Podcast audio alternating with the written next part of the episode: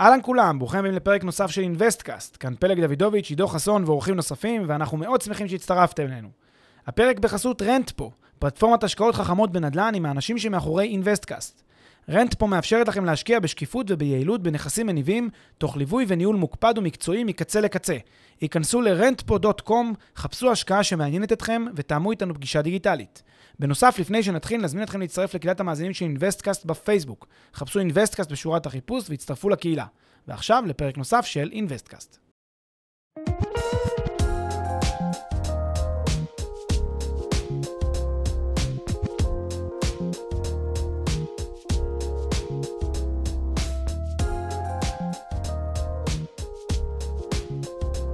שלום לכולם, אנחנו בפרק 40 של InvestCast, והיום אנחנו רוצים לדבר על המבנה הכללי של אה, גיוס הון לחברות, אה, על הצרכים שחברות אה, מנסות לענות עליהם במסגרת גיוסי ההון האלה, על האפשרויות שעומדות בפני חברות שמנסות לגייס כסף, על הטכניקות השונות לגיוסי ההון, וכמובן גם על ההיגיון שעומד בבסיס הגיוס ועל האופן שבו הוא מניע את הכלכלה ואת היכולת של חברות להתפתח, ליזום, לבנות, לקחת את העולם קדימה. אז אה, פלג, בואו נתחיל באמת בכמה מילים כלליות על אה, עולם אה, מימון החברות וגיוסי ההון, ונחבר את זה קצת לצרכים ולמוטיבציות ולעצם הקיום של העולם הזה של הגיוס. אוקיי, okay, אז נושא של גיוסי הון לחברות הוא נושא מאוד מעניין. הוא עוסק בעצם בשאלה uh, למה, איך ו- וכיצד ו- ובאיזה אופן חברה מגייסת כסף לצורך מימון הפעילות העסקית שלה. אה, ולצורך, אה, כן, הגשמת מטרותיה. חברה בסוף היא אה, לא, לא מוצר אלטרואיסטי, יש גם חברות כאלה שהן יותר חברתיות, אבל בגדול חברה מונעת ממטרה לעשות רווח. וככזאת, היא צריכה כסף שיניע את הפעילות שלה, כדי להפוך את הכסף הזה משקל לשניים ומשניים לארבע. זה כל מהות החברה. המטרה שלה היא להרוויח. עכשיו, הרעיון שכדי להניע את פעילות החברה, היא צריכה מקור הון התחלתי, די טריוויאלי, כן? כשמתחילים חברה, יש את המונח המקובל טבולה ראסה, זאת אומרת, אני מקבל את החברה הזאת עם מאזן שהוא אפס. אין נכסים, אין התחייבויות.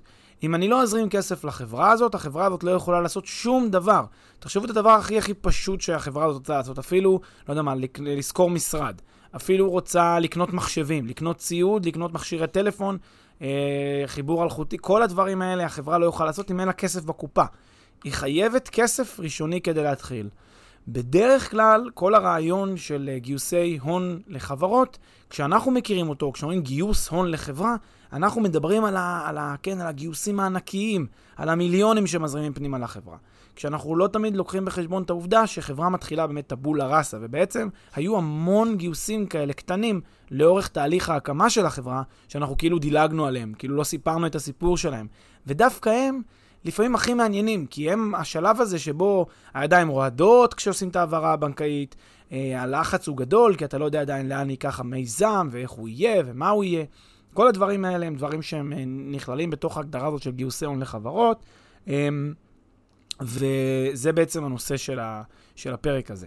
עכשיו, אה, כשאנחנו מתכוונים לגיוס הון, או בכלל לכסף שיש לחברה, הכוונה לכסף בקופה. אוקיי? לא למימון פרויקט. יש, יש שני סוגים של uh, מימון שאפשר לחשוב עליהם. אחד זה מימון חברות, מימון שמזרים כסף לחברה, והשני זה מימון פרויקטים. מימון פרויקטים זה עולם בפני עצמו, אגב, עשינו עליו uh, פרק שלם בפודקאסט, מימון מיזמי נדל"ן, אבל יש גם מימון מיזמים בכלל, מימון פרויקטים. הסברנו שם שיש מה שנקרא SPC, או SPV, Special Purpose Vehicle, שזה בעצם סוג של תאגיד שמקים אותו ייעודית עבור הפרויקט הספציפי, וזה פרויקט, מימון פרויקטלי, כלומר, כשאני מזרים כסף לפרויקט, אני מזרים את הכסף לתוכו, אה, יש לו משק סגור, הכסף משמש רק לטובת הפרויקט הזה ולצרכים שלו וכולי.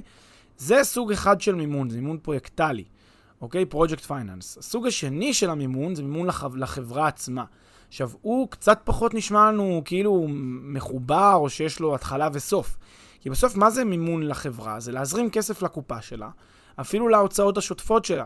כן, היא צריכה, היא צריכה לשלם משכורות, היא צריכה לשלם עבור המשרד, היא צריכה לשלם מזון אפילו, כיבוד. ברמה הזאת, כל הדברים האלה זה כסף שיש בקופת החברה. גם לזה צריך מימון, גם מישהו פה צריך להזרים כסף פנימה. לא הכל, אה, אה, לא הכל זה, אתם יודעים, השקעות ענקיות של מיליונים. לפעמים זה מתחיל מ... לא יודע, מהעברה בנקאית של 100 שקל. עכשיו, הרבה אנשים גם אומרים, כן, מה, החברה מרוויחה מלא כסף ולכן היא יכולה לממן לעצמה אה, עוגות אה, ומאפים.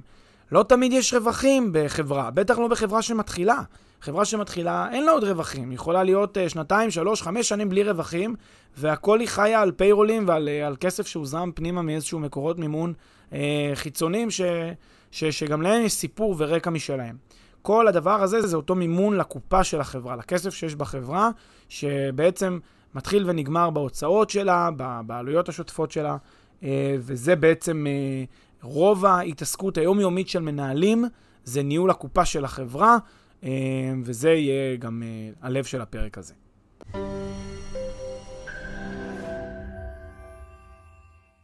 לפני שנמשיך, כמה שניות מזמנכם. הפרק בחסות Rentpo, פלטפורמת השקעות חכמות בנדל"ן עם האנשים שמאחורי InvestCast. Rentpo מאפשרת לכם להשקיע בשקיפות וביעילות בנכסים מניבים, תוך ליווי וניהול מוקפד ומקצועי מקצה לקצה. היכנסו ל-rentpo.com, חפשו השקעה שמעניינת אתכם ותאמו איתנו פגישה דיגיטלית.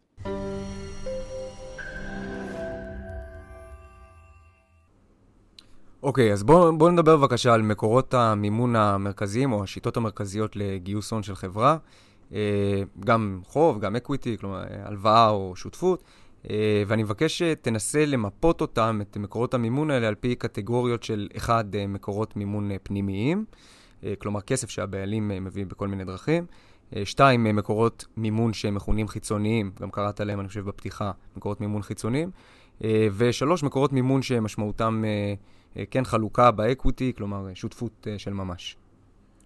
אוקיי, אז נפריד, בעצם ניתן איזה כמה מילים על עולם התאגידים. צריך להפריד בין אה, התאגיד עצמו לבין היחידים שהם בעלי המניות שלו. כלומר, אותם אנשים שהם הבעלים של החברה הזאת. כלומר, העובדה שהקמתי חברה, אה, אומר שיצרתי אישיות משפטית שהיא לא אני. אני והאישיות הזאת הם עולם בפני עצמו, כל אחד יש לו תעודת זהות משלו, מה שמכונה ח"פ עבור חברה, או מספר שותפות עבור שותפות. עכשיו, זו אישות משפטית נפרדת. זה שיש לי כסף בבנק, לא אומר שיש לחברה הזאת אוטומטית כסף בבנק, מן הסתם. יש לה חשבון בנק משלה, ברגע שאני פותח כזה, ואז אני צריך להעביר כסף לחברה הזאת אם אני רוצה שיהיה לה כסף. גם אם אני מאוד מאוד עשיר, אבל החברה הזאת אין לה כסף, אז החברה חדלת פירעון אם יש לה חובות. לא, זה לא משנה שלי יש כסף, כי אנחנו, אנחנו שני אנשים נפרדים, שני, שתי אישויות אה, נפרדות. אז זה ככה נקודה ראשונית, ולכן באמת יש את ההבדל הזה בין מקורות שהם מקורות אה, עצמיים, ויש מקורות שהם מקורות חיצוניים. מה זה מקורות עצמיים? מה שנקרא ההון העצמי של החברה. הון עצמי של החברה זה כסף שהוזרם פנימה לתוך החברה. לא משנה מי יזרים את הכסף הזה, זה יכול להיות אני, זה יכול להיות משקיע אחר, זה יכול להיות שותף שלי, זה יכול להיות כל, כל מי שמישהו לא יהיה. זה המקורות הפנימיים של החברה, ההון העצמי שלה. אם אני הקמתי חברה והזרמתי לתוך החברה הזאת 100 אלף דולר ביום ההקמה שלה, אז אני הכנסתי הון עצמי לחברה, ולחברה עכשיו יש 100 אלף דולר בבנק. זה לא משנה לחברה מי הביא לה את הכסף הזה, כל עוד יש לה אותו, אז עכשיו היא יכולה לשלם משכורות, היא יכולה לשלם אה, כיבוד, היא יכולה לשלם לספקים וכולי. זה בגדול הרעיון של הון עצמי. הון עצמי זה כסף שהחברה קיבלה אותו אה, ממישהו, לא כהלוואה, אלא היא קיבלה אותו אה, מבעל מניות בה. מה זה בעל מניות? זה מישהו שהוא, יש לו מניות בחברה הזאת, באמצעות זה שהוא קנה מניות, הוא הזרים כסף לתוך החברה, והוא יצר לה הון עצמי. Uh, הוא בעצם העובדה שהוא נכנס בחברה הזאת, השקיע בה, קנה מניות, הוא הזרים לתוך החברה הזאת הון עצמי.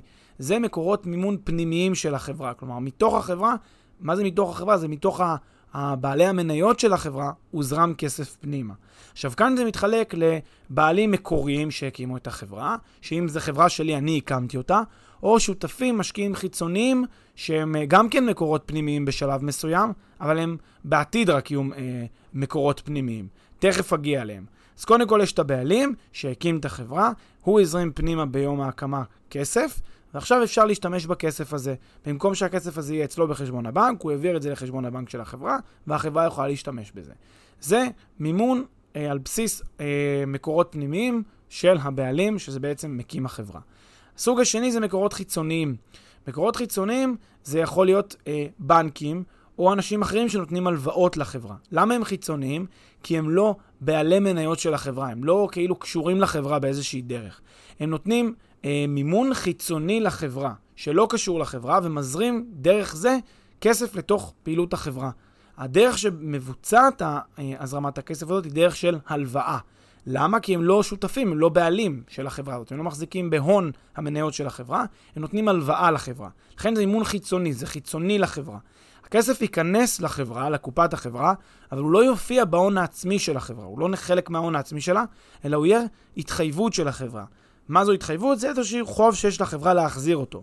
זה לא ההון העצמי שלה, אלא זה חוב שיש לה כלפי אה, מי שאמור, אה, כלפי מי שנתן לה את אותו מימון. עכשיו, זה יכול להיות קו אשראי, זה יכול להיות ממש הלוואה, זה יכול להיות כסף שהעמידו עם איזושהי תקופה להחזר, שזה גם סוג של הלוואה. כל המנגנונים האלה זה מקורות מימון חיצוניים, שמישהו חיצוני הזרים על דרך של הלוואה. המקורות הקיימים האלה שנותנים את ההלוואה, זה יכול להיות אה, בנק, זה יכול להיות מוסד אה, אשראי חוץ-בנקאי, מוסדות פיננסיים כאלה שהם מוסדות אשראי חוץ-בנקאיים אה, שהם לא בנקים. ויכולות להיות גם הלוואות מ-Friends and Family, אנשים שהם חיצוניים שנותנים הלוואה לתוך המיזם. שוב, זה חיצוני כי זה לא בעלי המניות. אבל יכול להיות מצב שבו בעל המניות, שזה מקור פנימי, גם הוא נותן הלוואה, מה שמכונה הלוואת בעלים. הוא גם בעלים של החברה, אבל הוא מזרים כסף על דרך של הלוואה. זה עדיין מקור פנימי במובן מסוים, כי הוא בעל מניות בחברה הזאת. מצד שני, הוא לא הזרים את הכסף על דרך של רכישת אקוויטי, אלא על דרך של הלוואה, וברגע שככה הוא עשה, מדובר במימון על דרך של, כן, הלוואה שהוא נתן לחברה. אז הוא מקור פנימי שנותן הלוואה, בספרים זה יירשם כאילו יש הלוואה לטובת הבעלים, ולא על דרך של הון עצמי, אבל זה סוג של אה, מימון שיכול לתת גם הבעלים. אה, דוגמה או מצב נוסף שיש לי מקור אה, בין כזה מעין פנימי חיצוני כזה, זה אם אני מכניס שותף. שותף שנכנס, שנמצא מחוץ לחברה, אם הוא מזרים כסף לתוך החברה והוא קונה מניות של החברה, הוא הופך להיות מקור פנימי. ואז הוא מזרים כסף לתוך החברה על דרך של רכישת המניות. התהליך הזה נקרא הנפקה. למה זה הנפקה? כי יש לחברה מספר מניות כבר קיימות, כדי שאני אכניס בן אדם חיצוני לחברה, שיהפוך להיות בן אדם פנימי בתוך החברה, אני צריך להנפיק לו מניות של החברה, הוא יהפוך להיות בעלים, ואז הוא יזרים כסף על דרך של רכישת המניות. ואז הוא יהפוך להיות מעין מקור מימון פנימי כזה, ובעל מניות שמזרים כסף לאקוויטי של החברה. כמובן שיכולים להיות גם אנשים חיצוניים שהם פרטים, שהם נותנים הלוואה רגילה, ואז הם כאמור מקורות מימון חיצוניים. אוקיי, אז אה, הלוואות מסוגים שונים, אה, כמו אה, הלוואות הבעלים שדיברת עליהם, או, כן, או הלוואות מזנין, או הלוואות מבנקים, או ממוסדות אשראי חוץ-בנקאיים וכולי, אני מניח שרובנו פחות או יותר מבינים את, את המודל הכללי של הלוואה ואת היתרונות שיש לשני הצדדים ממנו. אבל בואו נעמיק קצת את הדיון בהון השותפים, שהתחלת לדבר עליו קצת בסוף, ונדבר דווקא על המורכבויות שלו ועל העניין שהוא מייצר בכל העולם הזה של גיוס חברות. אוקיי, אז בעצם מה זה שותפים? כל הרעיון זה שיש לי איזשהו מיזם לחברה, יש איזשהו רעיון, וכדי. להתחיל לממש את הרעיון הזה צריך כסף. עכשיו, מה, ש... מה שקורה, יש את היזם שעומד, שכן, שהחברה היא שלו, היא ה-baby שלו, והוא גם בדרך כלל מזרים את הכסף הראשוני לחברה, מתחיל להניע את הפעילות בה. תכף נדבר על מה הוא עושה, מה הטכניקות לגיוס ההון ומה השלבים, תכף נשאיר את זה לסוף. אבל עכשיו, הוא הרבה מאוד פעמים לא יספיק הכסף שיש לו. כן, אנחנו בדרך כלל אומרים שיש איזה כלל כזה שאומר שליזמים בדרך כלל אין כסף. ליזמים הטובים אין כסף, כי הם כל יום משקיעים במיזמים וברעיונות שיש להם. בדרך כלל, אה, מי שיש לו כסף זה מי ש... או יש לו פעילות אחרת שהוא עושה ביומיום, שהוא לא יכול ליזום ולהפסיק את הפעילות הזאת, או שהוא אה, עמוס, או שאין לו רעיונות טובים. ואז כל מיני אנשים שיש להם כסף ומחפשים מיזמים, נכנסים כשותפים במיזם. עכשיו, הרבה מאוד פעמים, ה... ומטבע הדברים זה כך, המיזמים האלה הם מיזמים של מעגל ראשון ומעגל שני. זאת אומרת, בעצם השותפים שנכנסים הם שותפים שנמצאים במעגל הראשון של היזם, של הבעלים. יש את הבעלים, והבעלים מכיר חברים, מכיר אה, שכנים, מכיר uh, משפחה. אותם אנשים שהוא מכיר אותם, ה-friends and family שלו, הם במעגל הראשון, גג המעגל השני, אותם הוא גם יכניס למיזם. למה זה קורה? מסיבה מאוד פשוטה, עניין של אמון בדרך כלל, בעיקר של השותפים. כי שותפים כשהם מכניסים כסף, הם רוצים לדעת שההשקעה שלהם היא טובה, הם רוצים לדעת שההשקעה שלהם איכותית, לכן הם צריכים את ההיכרות האישית הזאת אה, כשהם משקיעים אצל מישהו במיזם. ולכן, בדרך כלל נהוג שמיזמי, שהמיזמים הראשונים מתחילים במעגל של אה, מעגל ראשון, Friends and Family, וככה מגייסים, מגייסים את הכסף. ותגיד, מה, מה קורה עם VCs ואנג'לים, ואתה יודע, אנשים בסופו של דבר הרבה פעמים מגייסים כסף מאנשים שיש להם כיסים עמוקים, והם לא בהכרח אה, אנשי האמון של אותו יזם, או אתה יודע, דברים שאתה מתאר מהמעגל הראשון או מהמעגל השני. בדיוק השלב שבו אנחנו מתחילים לעבור מהמעגל הראשון והשני לאנשים קצת יותר רחוקים, זה השלב שבו אנחנו מתחילים לפזול, בדיוק כמו שאתה אומר, לאפשרויות חיצוניות. מה בדרך כלל הסיפור? הסיפור הוא לא כזה, הסיפור הוא נגמר למקורות המימון הרגילים, נגמרו המעגל הראשון השני. אתם יודעים, חנקתי כבר כל, אה, כל שכן וכל אה, דוד של, אה, של חמותי שיכול, דוד של חמותי, אני אפילו לא, לא מצליח לקשר עכשיו איזה עץ משפחתי זה, אבל הצלחתי למצוא כבר, למצות כל שקל שיכולתי, נגמר הכסף, צריך לשלם משכורות, צריך לשלם לספקים, צריך להרים את העסק. אז מה אני עושה? אני הולך מחפש מקורות מימון רחוקים יותר. עכשיו, לפעמים אני יכול ללכת לגייס הלוואה, אבל לפעמים אני הולך להפיק של להכניס שותף, שהוא כרגע חיצוני, אבל אני אכניס אותו פנימה לתוך הארגון, על דרך של הקצאת מניות. והשותף הזה שאני אמצא אותו לא יהיה בגדר ה-Friends and Family, הוא יתרחק למעגל רחוק יותר. לפעמים זה יהיה מעגל שני ושלישי. מה זה מעגל שני ושלישי? זאת אומרת, זה, ה, זה לא השכן, אלא זה, ה, זה הקרוב משפחה של השכן, שבא בכלל ממיאמי ומחפש עכשיו השקעות בארץ. זה סוג מסוים של מעגל שני-שלישי כזה.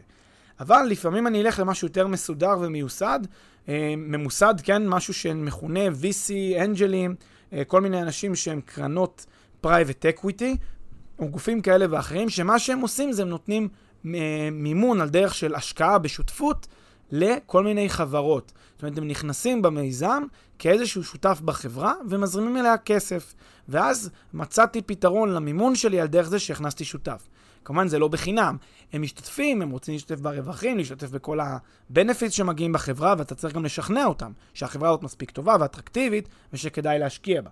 לכן זה לא מאוד פשוט, אבל uh, זה באמת השלב שבו אתה כבר עובר לרף של המשקיעי, uh, uh, כן, המשקיעים החיצוניים ממעגלים יותר רחוקים, וזה בדרך כלל הרעיון. תגיד, ויש לי שאלה לגבי uh, אותם, uh, כן, VCs ואנג'לים וכולי. יש uh, שותפים, uh, אם היית צריך למפות את סוגי השותפים, לדוגמה, שותפים אסטרטגיים, שותפים שהם uh, לא רק כסף אלא גם שכל, שותפים שהם רק כסף ויותר פסיביים, איך היית מסווג את הדבר הזה ואיך זה uh, תורם לחברה, תורם לצד השני, גורע, יתרונות, חסרונות? למעשה כל הרעיון של uh, סוגי השותפים הוא רעיון שנגזר, מ- מ- לדעתי הרבה פעמים מסוג הגיוס ומהצורך מהצורך ב- ב- בשותפים האלה מלכתחילה. בדרך כלל שותפי ה-Friends and Family הם שותפים שהם פסיביים, הם בדרך כלל פחות מעורים במהות העסק.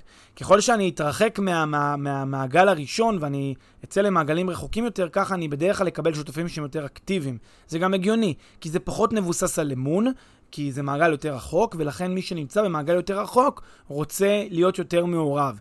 גם בדרך כלל מי שמעגל יותר רחוק הוא מלכתחילה לא מחפש את ההשקעה הפסיבית, אלא הוא בא כי מה שהוא מחפש זה מיזמים להשקיע ולנהל אותם. ולכן מה שקורה בדרך כלל, ככל שמתרחקים מהמעגל הכי הכי קרוב של ה-Friends and Family, אנחנו נראה השקעות יותר אקטיביות. בדרך כלל האנג'לים וה-VCים והקרנות private equity האלה הן קרנות שגם מביאות מומחיות, מקצועיות בעצמן, הן uh, נותנות לך איזשהו uh, uh, זרוע שיווקית משלהם, או נותנות לך זרוע טכנולוגית משלהם, או איזשהו אלמנטים שהם יודעים uh, לעשות בעצמם. לפעמים הם מבקשים שליטה, לפעמים הם מבקשים כל מיני uh, uh, זכויות בהצבעה בדירקטוריון, או באספת בעלי המניות של החברה. Uh, מן הסתם, אספת בעלי המניות יש להם כי הם שותפים, אבל לפעמים מבקשים זכויות עודפות. Um, וזה מסוג הדברים שככל שאתה יותר תלוי בהם ויש לך יותר צורך בהם, ככה גם תנאים הם בדרך כלל יותר עסקה אקטיבית שלהם ופחות עסקה פסיבית. אבל וכאן אנחנו נכנסים באמת לסוגים מסוימים של שותפים ש, שצריך להתייחס אליהם. יש שותפים שהם שותפי הון אקוויטי כאלה, שנכנסים ממש בחלק ה, המניות של החברה, הופכים לשותפים פנימיים, מזרימים כסף לתוך החברה על דרך של רכישת מניות במסגרת הנפקה, הנפקה פרטית זה מכונה, ובעצם אמ, משתתפים איתי ברווחים, ברווחים של הפעילות, ברווחים של הפעילות, בתהליך שבו הוא מבוצע וכולי, ואנחנו מתחלקים ביחד בכסף. הסוג הבא של שותפים זה שותפים שמכונים שותפי בכורה. אלה שותפים שגם הרבה פעמים נכנסים איתי באקוויטי של הפרויקט, רק שהם לא משתתפים איתי ברווחים, אלא הם מקבלים אה, איזושהי בכורה בהחזרים של הלוואות, בהחזרים של כסף. לפי מה שקורה, הם יקבלו איזושהי ריבית שתפצה אותם אה, קודם כל חלק מסוים מההשקעה שלהם, נגיד חמישה אחוז לשנה, ואחר כך עוד אה, השתתפות ברווחים ביחס של, לא יודע מה, 30-70 דברים מהסוג הזה. זה שותפי אה, בכורה, וזה הדרך שבו הם, אה, הם אה, עובדים אה, פחות או יותר. ובואו בוא נדבר קצת uh, בענייני זמנים. מתי, uh, מתי בדרך כלל שותפים נכנסים? באיזה שלב של החיים של החברה זה יותר מקובל, פחות מקובל? איזה סוג של uh, משקיעים נכנסים באיזה שלב של חברה וכולי? בואו נתייחס קצת לזמנים. כן, אז uh, בעצם uh, השותפים נכנסים uh, לפעילות החברה בכל השלבים, בכל מיני שלבים שונים ומשונים, לאו דווקא בהתחלה, לאו דווקא בסוף. יש, uh, לחיי, לחברה יש... סייקל, אה, מחזור חיים, שכל מיני רגעים יכולים להיות רגעים, יש ברגעים שנגמר הכסף, יש רגעים שדווקא כשהגענו לפיק, אז בדיוק אז מכניסים, ולכן כאילו אין ממש כלל גורף למתי נכנסים. יש כל מיני שלבים שהם די ידועים ודי ברורים בתהליך של חברה. אז קודם כל יש את ההקמה של החברה. כדי להתחיל להניע את הגלגלים של המערכת, צריך כסף אה, ראשוני. זה הכסף שנעשה במסגרת הקמת החברה. זה ההון שמוזרם ביום ההקמה שלו, וזה ההון הבסיסי הראשוני. אז כבר ביום הזה אני יכול או להביא מה, מהבית את הכסף, מה שנקרא הון עצמי שלי, או שאני מביא שותפים כבר מהיום הראשון. יושבים, בדרך כלל זה כזה מסעדה, ערב, יושבים, אני משכנע אותם, יש לי מוצר מצוין, אה, מוצר שאני יכול לגרד באוזן באמצעות אה, לחיצה על שני כפתורים, ויש לי גירוד נעים באוזן, ואני מביא שני שותפים שאני מכניס אותם פנימה ומשקיעים ביחד. אז הרעיון הוא שלי, הכסף הוא שלהם, ואז הזרמנו קצת כסף פנימה. אחר כך יש מה שמכונה סיד. סיד זה גיוס שבעצם, אה, כן, נותן איזושהי הזרעה של כסף לתוך המערכת כדי ליצור מזה בסוף את, ה, את הפרחים ואת העצים ש, שה, שהמיזם הזה אה, יוליד. אה, אלה גיוסים שבדרך כלל עושים אותם כדי לגייס עוד עובדים, כדי לגייס עוד פעילות, כדי להרים איזשהו משהו, ליצור איזשהו מוצר טכנולוגי. אלה בדרך כלל הגיוסים הראשונים שהם כבר קצת יותר גדולים, כי בדרך כלל הגיוס בהקמה הוא סכום יותר זניח, ועושים אותם אחרי שיש איזושהי הוכחת התכנות ראשונית. אלה גיוסי הסיד. יש כמה שלבים של גיוסי סיד וכמה גיוסי המשך כאלה. לפעמים יש גיוס סיד ראשוני, עולים קצת, עושים גיוס סיד שני, וכך הלאה, וכך מתקדמים לאורך התהליך. אה, אחר כך יש מה שמכונה כבר ממש הנפקה. הנפקה זה שאני אה, ממש אה, יוצא לשוק ההון, עושה גיוס להמונים באמצעות גיוס ציבורי.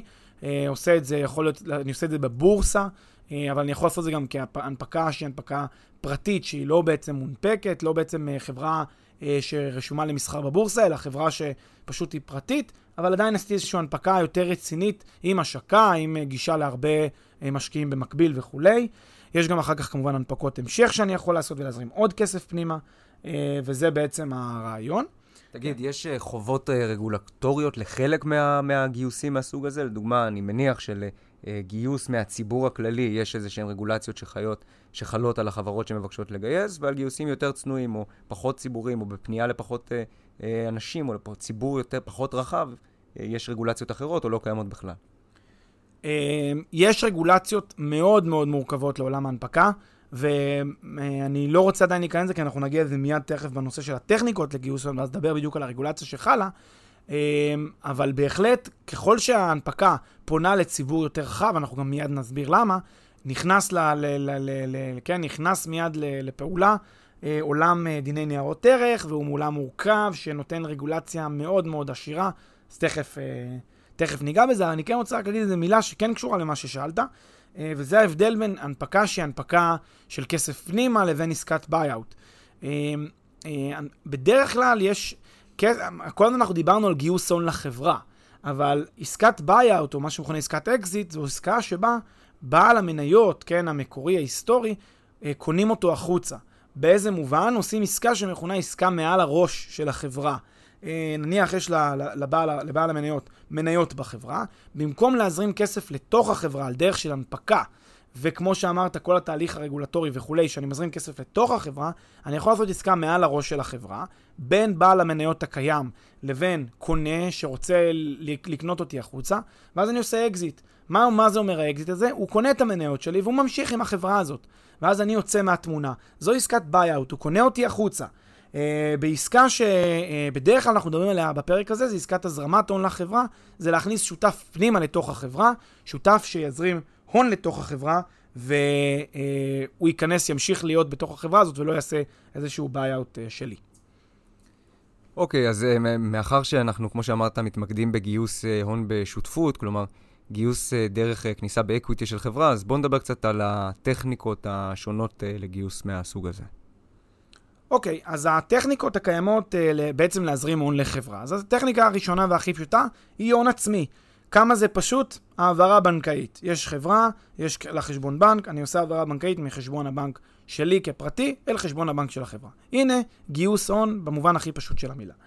הסוג הבא זה אותו Friends and Family. ב-Friends and Family אני אצטרך לעשות uh, הסכם, uh, הסכם בעלי מניות, אני אצטרך לתת להם מניות, בתמורה להסכם בעלי המניות הם ייכנסו כשותפים במיזם, על דרך של העברה בנקאית. כן, עוד פעם יעבירו מחשבון הבנק שלהם אל תוך החברה. ככה בעצם הם ייכנסו כשותפים במיזם הזה ויקבלו מניות וישתתפו ברווחים. ככה זה נכון גם למעגל הראשון וגם למעגל השני. כשיש מעגל שני זה אומר פשוט אנשים קצת יותר רחוקים, שגם הם קונים מניות בחברה ונכנסים אה, כמשקיעים בה בדיוק באותו אופן. הסוג הבא זה קרנות private equity, שכמו שאמרנו קודם, או angel-ים או, ונצ'ר קפיטלס כאלה, זה, VC, או uh, קרנות שקונות ומשתתפות בהשקעה מכל מיני צורות וסוגים. הקרנות האלה בעצם uh, נכנסות או כשותפים אקטיביים או כשותפים פסיביים, ברוב המקרים זה יהיה אקטיביים. הם יקבלו זכויות ניהול, יקבלו זכויות חתימה, יקבלו שליטה על החשבונות, הרבה מאוד פעמים. והם בעצם גם כן ייכנסו בסוף כשותפים במיזם.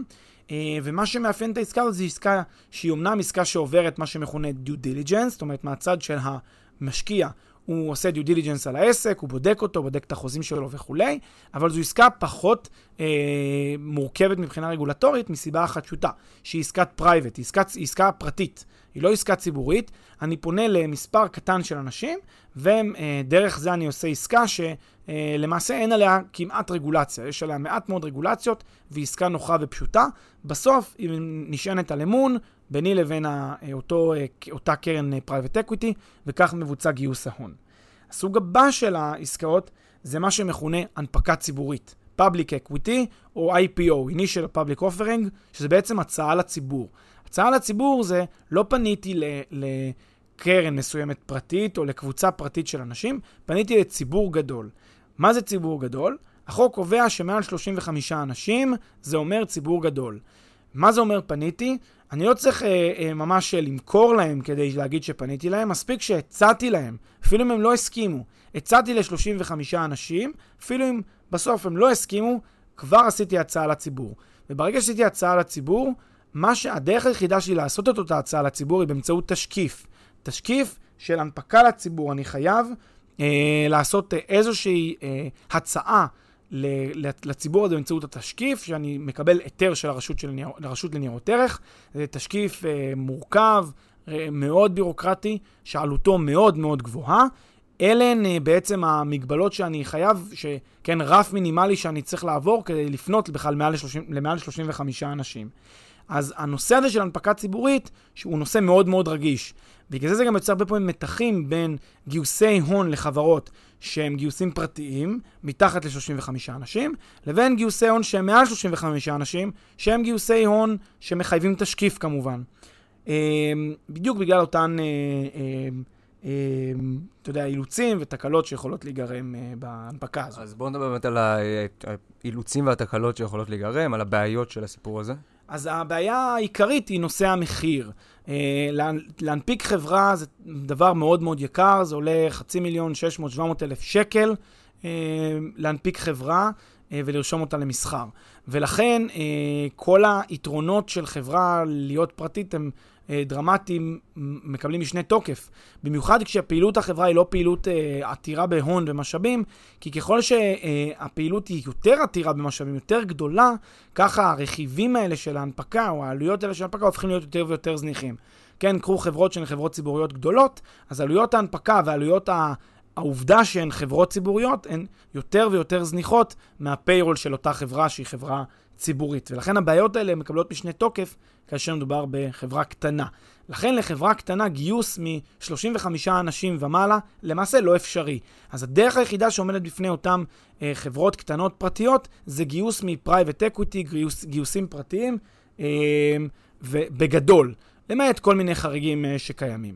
אז ומה אה, אותם חריגים? יש סיפורים, אה, רגולציות אחרונות אה, שמאפשרות אה, פנייה לציבור... אה, כן, גדול יותר מ-35 אנשים עם מגבלות מסוימות, כל מיני פלטפורמות למימון המונים, דברים מהסוג הזה. אתה יכול לספר על זה קצת? בהחלט, אז הנושא הזה הוא מאוד חם בשנים האחרונות, עם ההתפתחות של הטכנולוגיה בתחום מימון ההמונים וגיוסי ההון לחברות. כי שוב, בדרך כלל מה שמתמודד איתו הרגולטור, ולא רק בארץ, בכל העולם, רגולטורים מתמודדים עם זה שהטכנולוגיה אה, שהרגולטור לא מדביק את הטכנולוגיה בכל מה שקשור ל, לכל דבר כמעט. ולכן באים אה, פלטפורמות, אתם יודעים, איזה כמה חבר'ה יושבים, ילדים בני 18 באיזה, באיזה רוסיה ומגייסים כסף לאיזה מיזם מטורף שהם עושים, שאמור להתגבר על כל עולם התעופה ולהטיס אנשים בחמש דקות מניו יורק ללונדון. אז, אה, והם, והם עובדים על זה עכשיו. עכשיו הם פונים לישראלים ופונים לאמריקאים ופונים למלא אנשים מכל העולם, באינטרנט, ב... ב כן, מבקשים כסף בפייסבוק, תעבירו לי כסף לחשבון הזה והזה, והרגולטור לא מצליח לעמוד בקצב של כל הדברים האלה שקורים, והכל קורה במקביל מאוד מאוד מהר.